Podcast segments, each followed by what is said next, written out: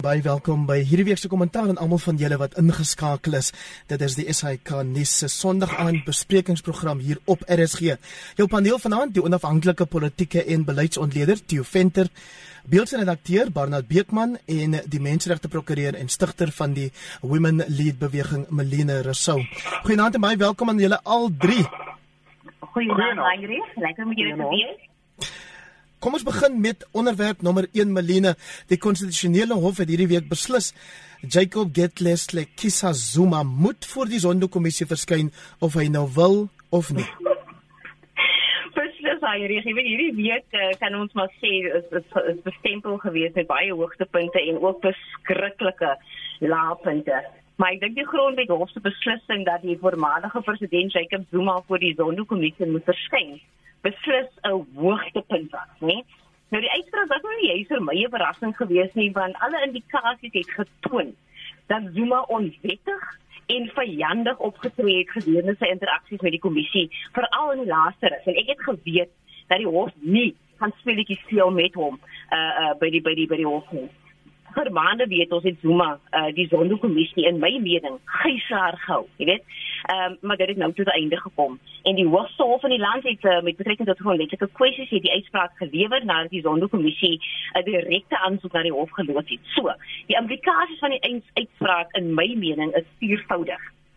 Eerstens, dat Zuma voor die kommissie moet verskyn op 'n datum wanneer die kommissie besluit sal word en dat hy nie vra uh, dat hy wel alle vrae moet beantwoord sonder om ontwykend te wees en ons weet ons maar uh, dat Jacob Zuma maar baie ontwykend kan wees as kom by sekere vrae.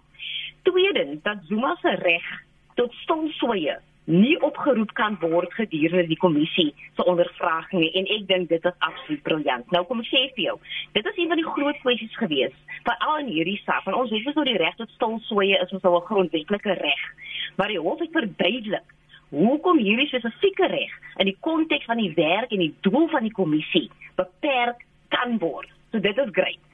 Derdens dat Zuma sy reg om nie homself te inkrimineer nie, nog steeds sal kan voorhou, maar daar's 'n caveat hierdie keer Heinrich en dit dat, dat hy presies kan verduidelik hoekom hy elke vraag of die vraag wat hy dink hom gaan forceer om homself te inkrimineer, um, hy sal moet verduidelik hoekom dit vir hom uh, uh jy weet teen sy reg tot selfinkriminasie gaan wees en dan dan dink ek nou terug aan hy Dudu Mieni wat hierdie spesifieke reg so uitgebuit het toe sy laaste getuienis gelewer het. En laastens Die gevolge is as hy nie hierdie keer gaan verskyn nie, gaan hy definitief 'n boete kry, ehm um, en of tronkstraf tot en met 6 uh, eh, maande. Jy weet dit sal opgelê word. Maar dan moet ek gou net jy weet baie vinnig twee goed noem wat die hof so ons noem dit in passing genoem het wat ek dink baie ironies was. Jy weet die hof het gesê dat Zuma die terms of reference van die Zondo-kommissie aanvaar het toe hy destyds die kommissie uh gevestig het en dat hy self sê het ingestem het tot spesifieke regulasies wat hy nou kom en betwis. Jy weet dit is my voorbeeld van wanneer jy nou self op jou eie swart val, jy weet. En dan laasens het ook gesê en dit is baie snaaklik dat Zuma nou sentraal geraak het tot die hoofvraag wat die kommissie nou moet ondersoek en antwoorde voor moet kry. En dat sy unieke persoonlike kennis van die kwessies hom 'n integrale part van die kommissie se werk maak. En dit is so want jy weet elke tweede getuie by die Zondo kommissie het se Zuma geïmpliseer. So ek sien uit daarna Heinrich om vir hom te hoor, jy weet se getuienis lewer voor die uh voor die Zondo kommissie en ek hoop dat hy prokureurs hom sommer goed gaan karnaval. Min of meer 42 getuies het reeds die naam Jacob Zuma genoem en hulle getuienis uh Barnard Beekman jou indrukke oor hierdie uitspraak van die konstitusionele hof? Ja, ek ek stem ek stem saam met wat tot nou gesê is. Dit is 'n belangrike uitspraak. Ek dink wat nou gaan interessant wees van Zuma besef hy's nou in 'n hoek en hy moet nou die spel speel. Gaan hy weer hier uit probeer kom? Daar was nou allerlei berigte dat hy dalk kan probeer na Rusland toe gaan vir sogenaamde mediese behandeling en dalk weens siekte toestande uit die ding kan probeer kom. Net dalk kan dit ook wees dat hy glo die land die ANC en bestel ehm um, gaan dit nie kan bekostig as hy sy voet werklik neersit nie. Ja, dalk is daar 'n kans dat hy gaan sê hy hy het al daar van sy regsverteenwoordigers het al daarop gesin speel toe die vorige keer pad gegee het dat hy gaan sê wel ek is baie jammer maar ek stem nie saam met die uitspraak van die hoogste hof nie en dan moet julle my maar kom help en en en dat hy dink dat so 'n situasie hy kan dalk in 'n soort waanleef dat so 'n situasie dalk die ANC tot breekpunt kan dryf. So ons ons moet nou sien hoe dit uitspeel. Uh, en dit gaan baie interessant wees, maar baie duidelik hy's regstegnies vasgeknoop. Die hoogste gesag het gepraat en al hoe meer kom die prentjie uit ook oor oor ander goed waaroor ons dalk later gaan praat dat hy sentraal gestaan het tot die absolute strooptog van die land se bronne ja. en en 'n grap gemaak het van mense so amper sê die mitologie dat die ANC hom beywer het vir 'n soort bevrydingsstryd om 'n beter lewe vir almal te gee en dat dit 'n sosialistiese elite is wat self net links en regs verryk het en nou nog sit en beklei daaroor wie kry watter tender en watter kontrak ensovoorts. En hy sal moet verantwoording doen daarvoor op een of ander manier um voor die howe en voor die kommissie. So um nog nog 'n baie interessante tydjie en ek moet sê ook tot dusver punte wat Jank Hoofregter Raymond Zondo wat so vas staan soos 'n rots.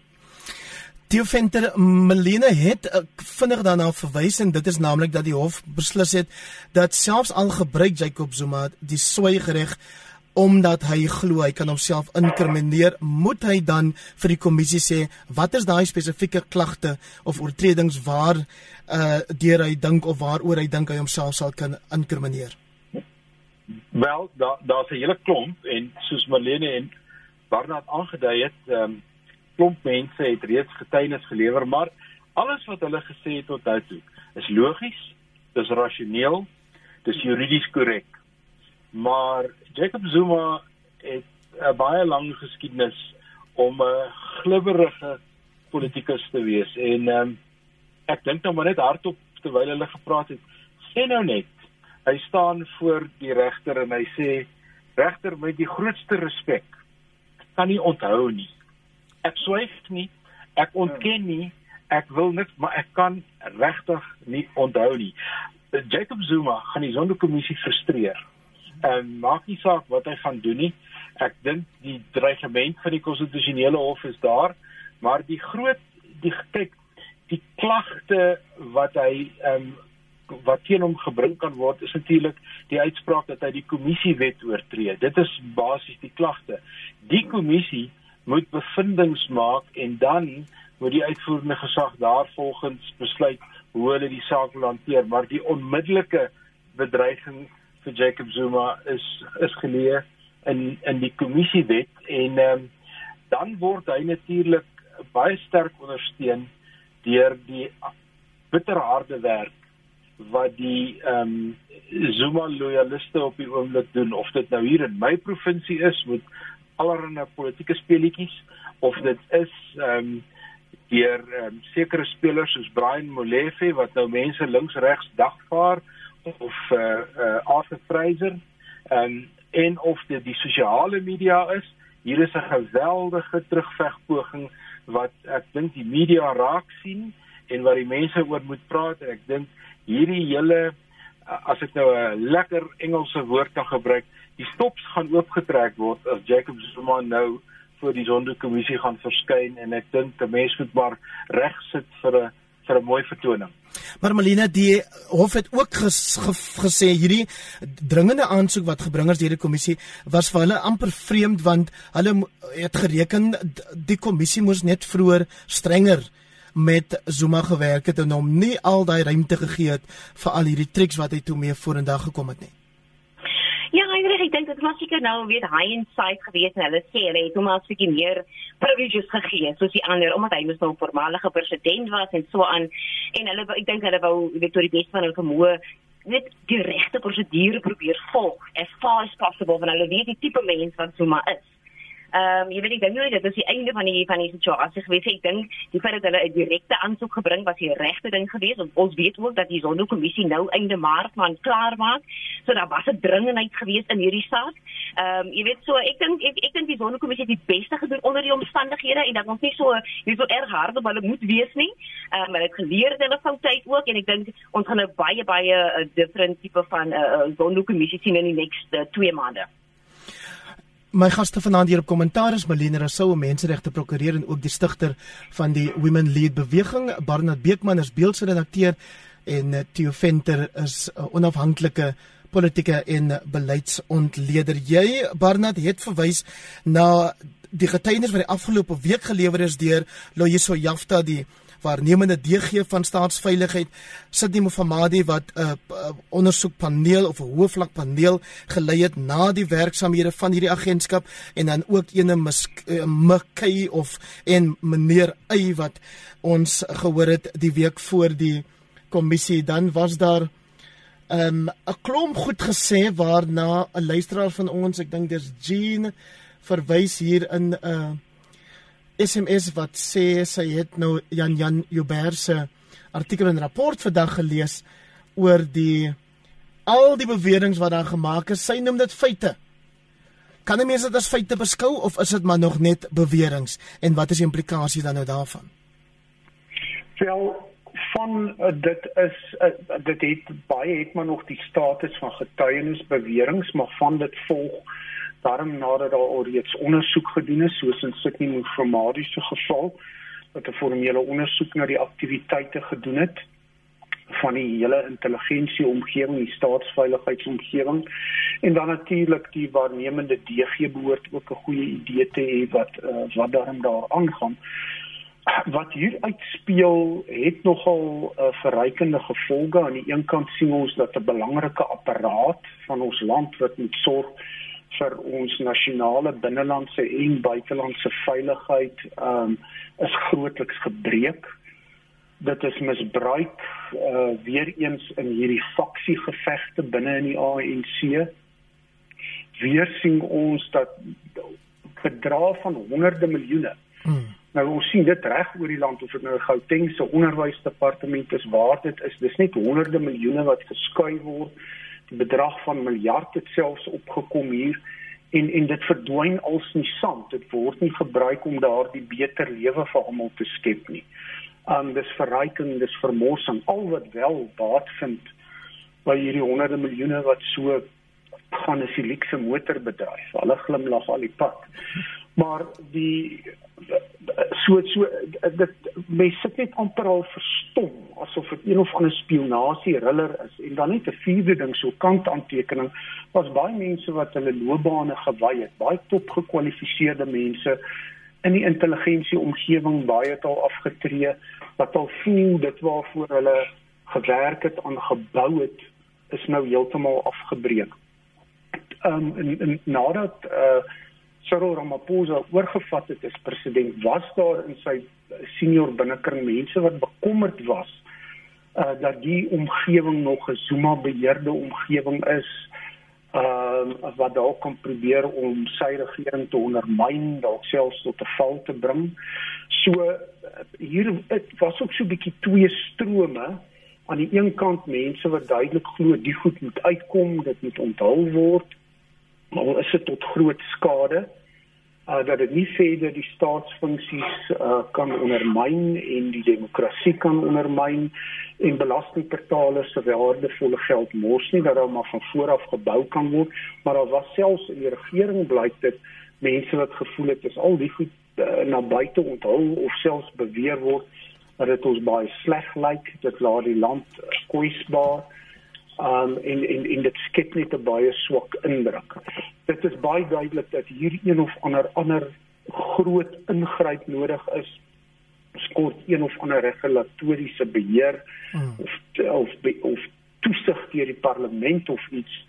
En um ek dink ons het nou begin kom met met hierdie onder onder onthullings by die hele kern van staatskaping uh die Zuma korrupsie en hoe dit gedoen is. toesig deur die parlement het skynbaar nie tot nou gewerk nie bar uh, ekskuus uh, Theo Venter want uh, daar is mos nou hierdie ding dat die geldsaake van die staatsveiligheidsagentskap tot 'n groot mate 'n geheime selfs vir parlementslede skyn dit.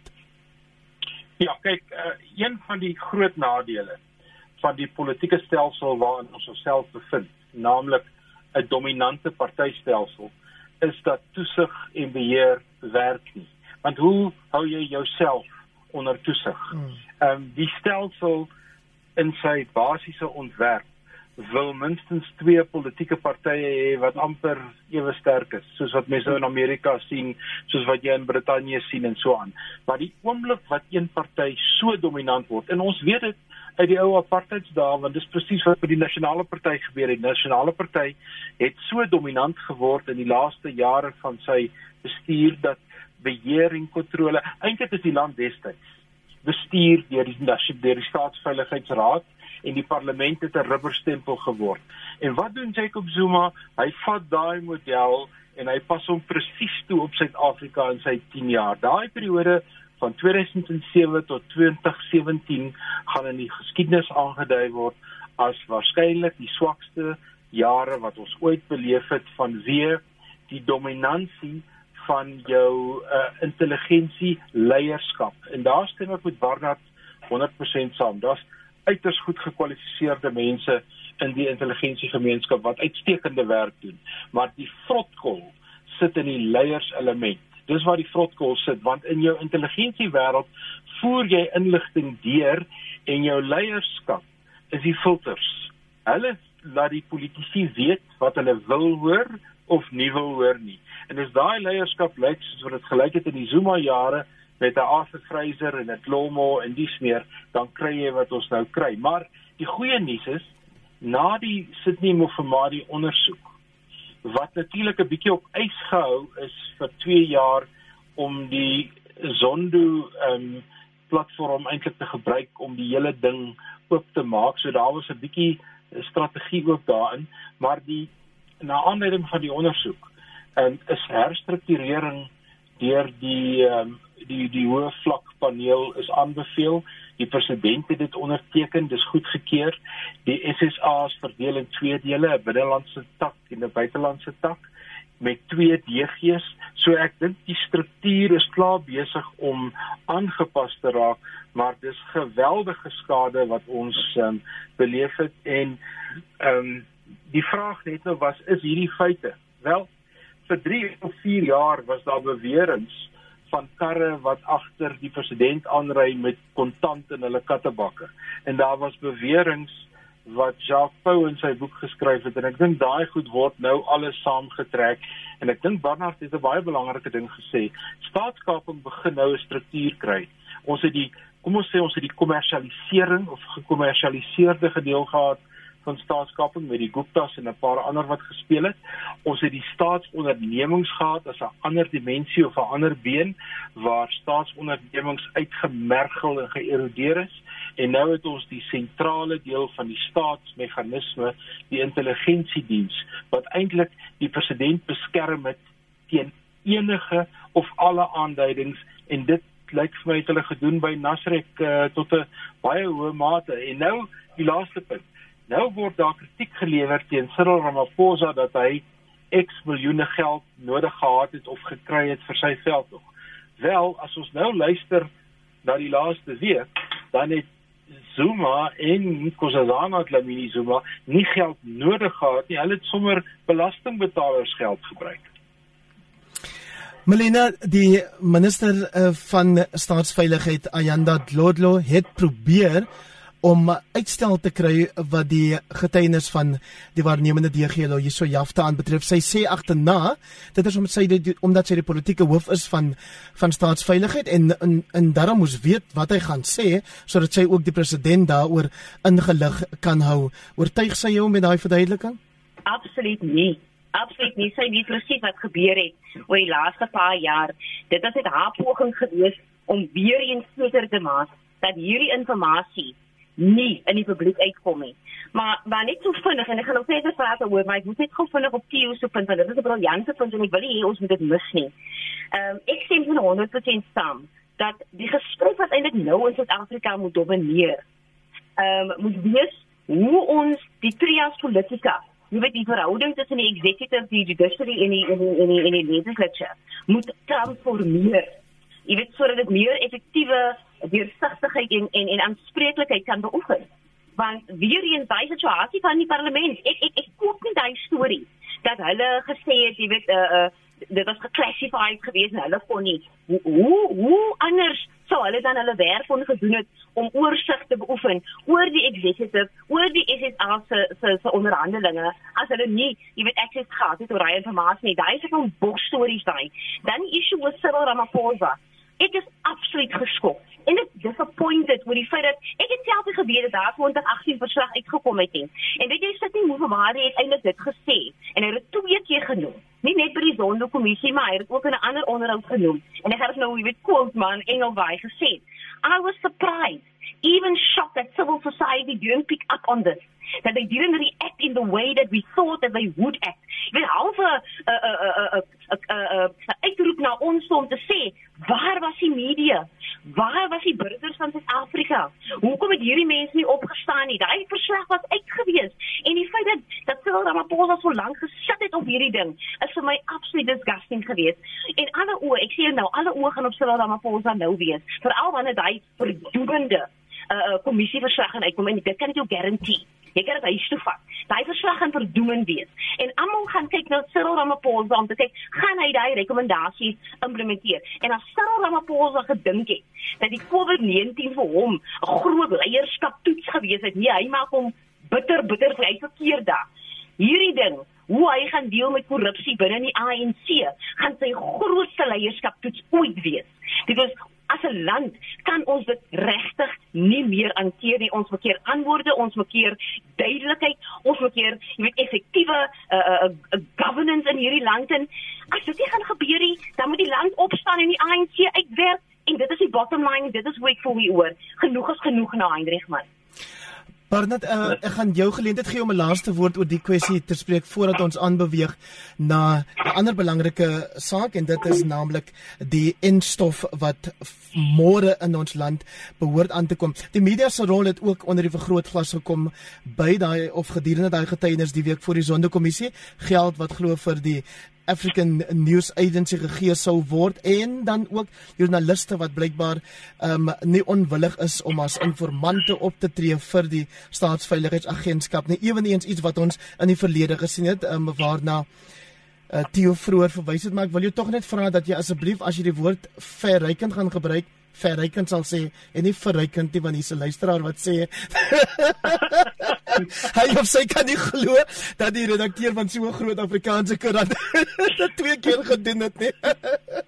Nee, dit dit is verrykend. Dit is verrykend want hier is een groot selfverryking aan die gang. Ehm um, net twee punte Hendrik vinnig ter afsluiting op op op die onderwerp ja um, ek dink uh, in die in die media omgewing gaan daar beslis ehm um, gekyk word uh, die die vakgebied as 'n omgewing maar hooplik ook ook media huise en natuurlik ook deur middel van kriminele vervolging. En dit bring my dan nou vinnig by die tweede afsluitingspunt. Onthou die nasionale vervolgingsgesag het reeds die mag om van uitkommissie getuies op te tree. Dit gaan baie interessant wees om te sien of hulle die Zuma vis aan die lyn nog gaan speel en gaan dalk wil begin inkatrol.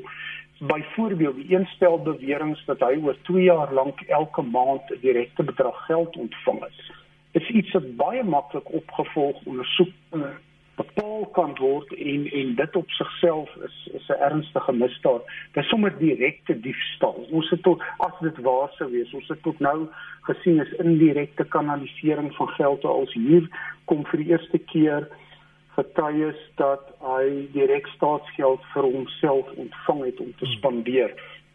So hopelik sal die um, en dit dit lê vir my nog voor Cyril Ramaphosa een of ander rol het as die kommissie verslag kom die die onafhanklike ondervervolgingsowerhede het hier ook 'n rol in behoort op te tree en ons het gesien toenemend burgerlike organisasies, regsinstansies en so meer tree ook toe met privaat vervolging waar die staat nie vinnig genoeg beweeg nie.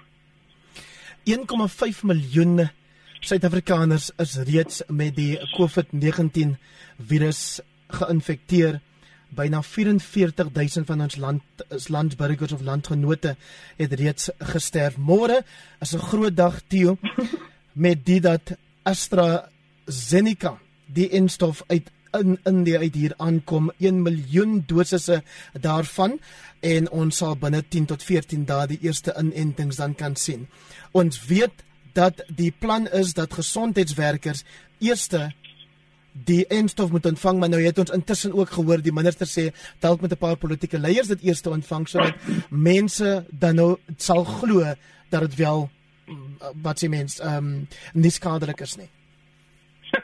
Ja, ehm um, dit is waar, dit is dit kom aan, dit kom uit Indië aan en dit ehm um, kom so dink ek uh, twee maande te laat ehm um, waar ons 'n bietjie ehm um, gesit en is ons vingers rol het toe ander lande reeds bestellings geplaas het. Ek dink die feit dat die staatskas so so leeg is en dat die aanwending van fondse op hierdie stadium so krities is, het onder andere daarmee te doen.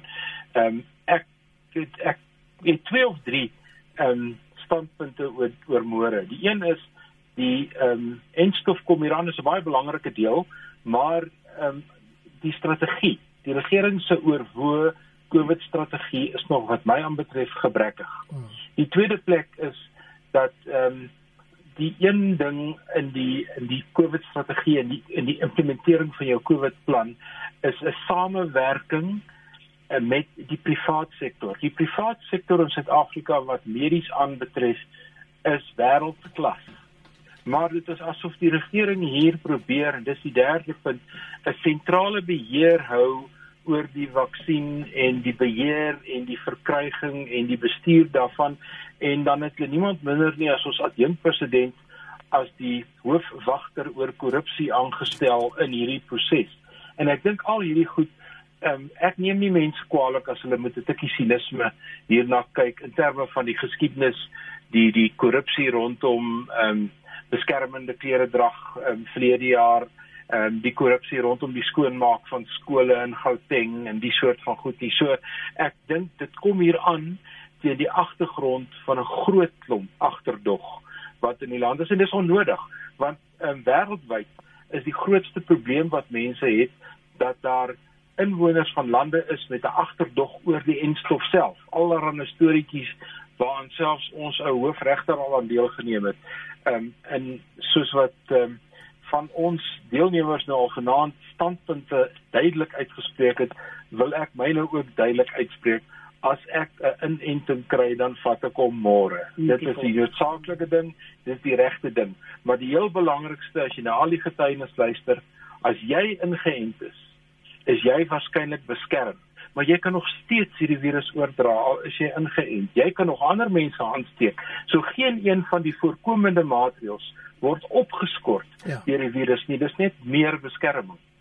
Dit is nogal 'n punt wat Dr. Angelique Kutse, hoof van die Suid-Afrikaanse Mediese Vereniging, ook vandag gemaak het. Dankie daarvoor, Theo. Maar Melina, dan het die president vroeër in die week gesê in 'n wêreldekonomiese forum vergadering, aanlyn vergadering, dat ja. jy moenie vergeet nie, arm lande sit met min van hierdie instof want die ryker lande het omtrent alles opgekoop en ek het op een van die internasionale nuuskanale vanmiddag gehoor Kanada sal met dit wat hulle aangekoop het, hulle hele bevolking tot 5 keer kan inent.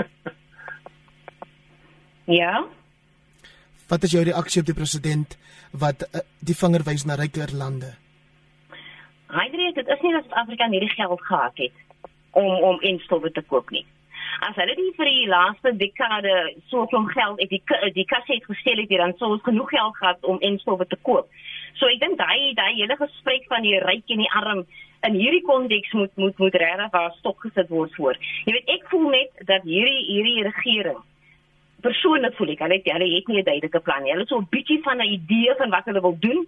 Jy weet 3 weke gelede was die minister van gesondheid baie confident daar gewees op parlement. Ek sê ons het 'n plan, ons het die geld, ons gereed om uit te rol. 2 dae gelede sê die ou vir ons, nee nee nee, luister hierso, ons weet nog nie eintlik uh, watter watter vaksins ons wil koop nie. Ons het nog geen ooreenkomste geteken nie. En gisteraan sê hulle vir ons nee, die geld is nou weer daar en die uitrolplan is daar. Die 5de Februarie gaan 'n tender uit. Hierdie mense het self nie hulle hulle daks in 'n rou nie. Hulle weet nie hoe hierdie uitrolplan gaan werk nie. Ehm um, jy weet so so in plaas van fokus op Kanada en Amerika en Israel en waar ook al, fokus op jou eie land. Fokus om dinge hier reg te kry. Want jy weet ek is nou ek sien die mense is baie excited nou oor hierdie 1 miljoen wat nou môre kom uit India uit. Ons moet 42 miljoen mense in in hierdie land. As ons 1 miljoen per maand gaan doen, dan is ons 3, 4 jaar om almal in te en. Ja. Jy weet fokus op die plan.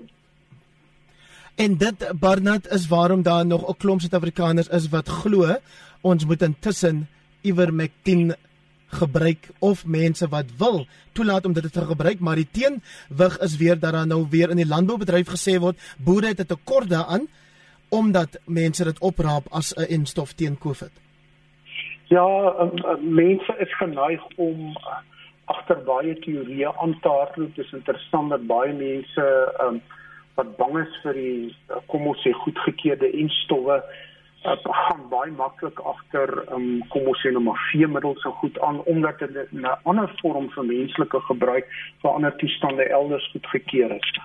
Ehm um, weer eens is dit 'n kwessie van mense gaan net versigtig en gebalanseerd moet optree. Natuurlik wil mens enige bekostigbare medisyne wat kan help gebruik. Daar is sekerlik van die groot farmaseutiese instansies uh, wat sal wil keer en beïnvloed dat 'n uh, goedkoop middel wat redelik beskikbaar is ook 'n rol kan speel. Maar ons moet ook onthou, ek kan nou nie die naam onthou nie, maar hierdie teen malaria medisyne se naam is ook hier verlede jaar met Donald Trump aan die voorpunt was hydrokloroquine as die groot middel wat mense gaan help om die uh, siekte te te werk en dit het stil geword. Hulle het geld gemaak en geloop. So dis maar my persoonlike mening dat dit onverantwoordelik is om sonder mediese toesig um medisyne formules self toe te doen.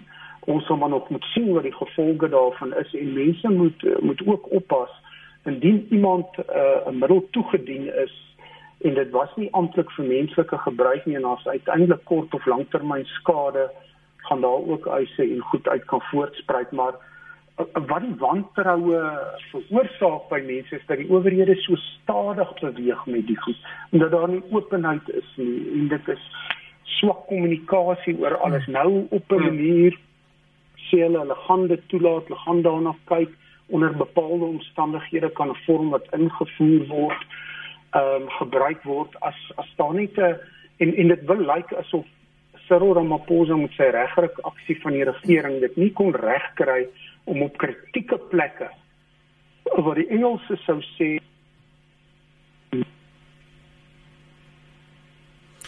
Barnard, lyk my ons verloor jou daarso. Ek wil net aansluit by Barnard um, Heinrich. Dit is dat, dit is dat ehm um, ten minste twee universiteite waarvan een die Universiteit van die Vrou is daarom aangedui dat hulle gaan hierdie middel ehm um, wetenskaplik en deeglik ondersoek en ek dink 'n mens moet ook net kyk na na die ehm um, getuienis wêreldwyd hoe dit gebruik word. Ehm um, ek dink hmm. dit is beslis iets wat 'n beter potensiaal het as uh, hidrochloroquine wat uh, Trump destyds in die in die openbaar gebruik het. So ehm um, ja, maar eh uh, wetenskaplike, oordentlike, goeie navorsing, dit is die ding se naam.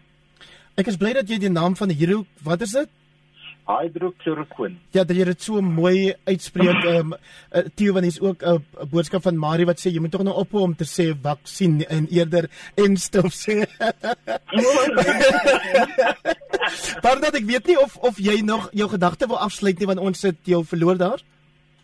Ja, ehm um, 'n verskoning daarvoor. Ehm um, Heinrich Janie, so ehm um, ek ek dink ons het ons het werklik wat baie sal help is ons van die regering ehm um, werklik vinnige effektiewe optrede kry en sleutel ehm um, agentskappe ook in die gesondheidsomgewing um, om goed ehm um, regte bestuur en te gebruik en regsal oor te kommunikeer. Mm.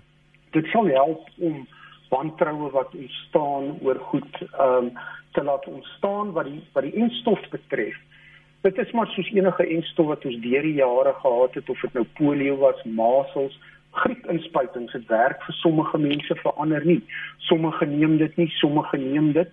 Dit bly 'n persoonlike keuse maar om te wil insinieer dat daar een of ander geheime formule in is om mense te beheer is absoluut te snit. Ons het 3 minute van die program oor so ek wil julle al drie vra om die volgende vrae asseblief so kort as wat julle kan te kan te beantwoord. Eh, Melina uh, dit lyk my daar is 'n gevoel by Kit uh, um, Meyer op Facebook dat as die regering sê nou maar die uitrol of die verspreiding van hierdie enstof met 80% effektiwiteit kan doen, sal mense dalk minder agterdogtig wees oor die nasionale gesondheidsversekering plan wat nou ook agterweeg gelaat is word deur COVID dit dit sou seker maar so wees uh, Heinrich maar ek dink uh, jy weet veral wat nou hier uitkom in die land en die feit dat die mense in elk geval op hierdie oomblik jy weet so anti-instof is so ek dink dit is ook iets wat ons moet noem. Want ons praat nou hier van 'n uitrolplan en hoeveel mense ingeënt gaan word maar ons praat nie van die mense wat weet 'n halfe 'n teenstand het om hierdie instof in te neem. Ek dink dit is baie belangrik. Die president ook nou die aandaue gepraat waar hy gesê het dat hulle nou hierdie tipe van opvoedkundige programme gaan hê waar hulle mense gaan opvoed oor die oor die instof, jy weet, eh, die die die pros en die cons daarvan en so maar ek dink meer pros as cons. Ehm um, en en ek voel dit is my baie belangrik want dit is ook in die terme van die werk wat ek doen. Ehm um, dat mense baie versigtig wees in terme van die tipe van inligting wat hulle ook deel met die publiek oor die instof want ek dink ons land sal reeds baie kwesbaar. Ehm um, so maak net seker dat as jy sê die mense moet hierdie enstof uh, jy weet gebruik nie, maak seker jy weet waarvan jy praat. Want uh, jy weet ons land is al klaar in 'n in 'n baie moeilike posisie. Die 1 minuut asseblief, daar is steeds beroepe op die regering om die verbod op drankverkope onmiddellik op te hef. En ek stem daarmee saam, want ek dink die ekonomiese skade is nou meer as die gesondheidsvoordele. So hoe gouer, hoe beter. En dan ook het ons gesien uh, oor die naweek Barnard, ek dink um tussen my en uh tussen my en uh in Theo in elk geval was jy die laaste ou wat uh, nader aan die Kaapse strande was as ons. Um daar is mense wat op die Kaapse strande in Meisenberg veral het um branderplankryers en en en ander mense gegaan vandag en uh, oor die naweek en gesê hulle neem die strande terug. Ja, ek dink die die die vakansieseisoene is verby, die openbare dae waar duisende mense daar saamtrek is verby, daardie gevaar is daarmee heen. Ek dink ehm um, dit is ook iets wat gerus nou opgehef kan word. Ek dink ons moet nou alle maatreëls skrap nie.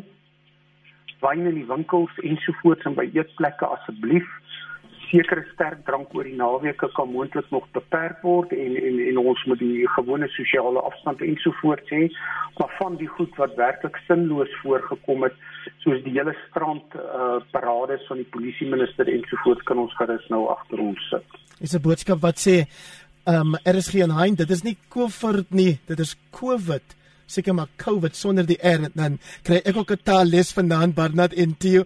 Marina, daar's iemand ek Melina gaan nader as iemand wat sê uh, jy moet 'n bels gegee word, maar dit sal nou seker eers gebeur kan gebeur wanneer die Nee nee nee nee, so jy nie vir my kom praat nie. Hy mense my kontak.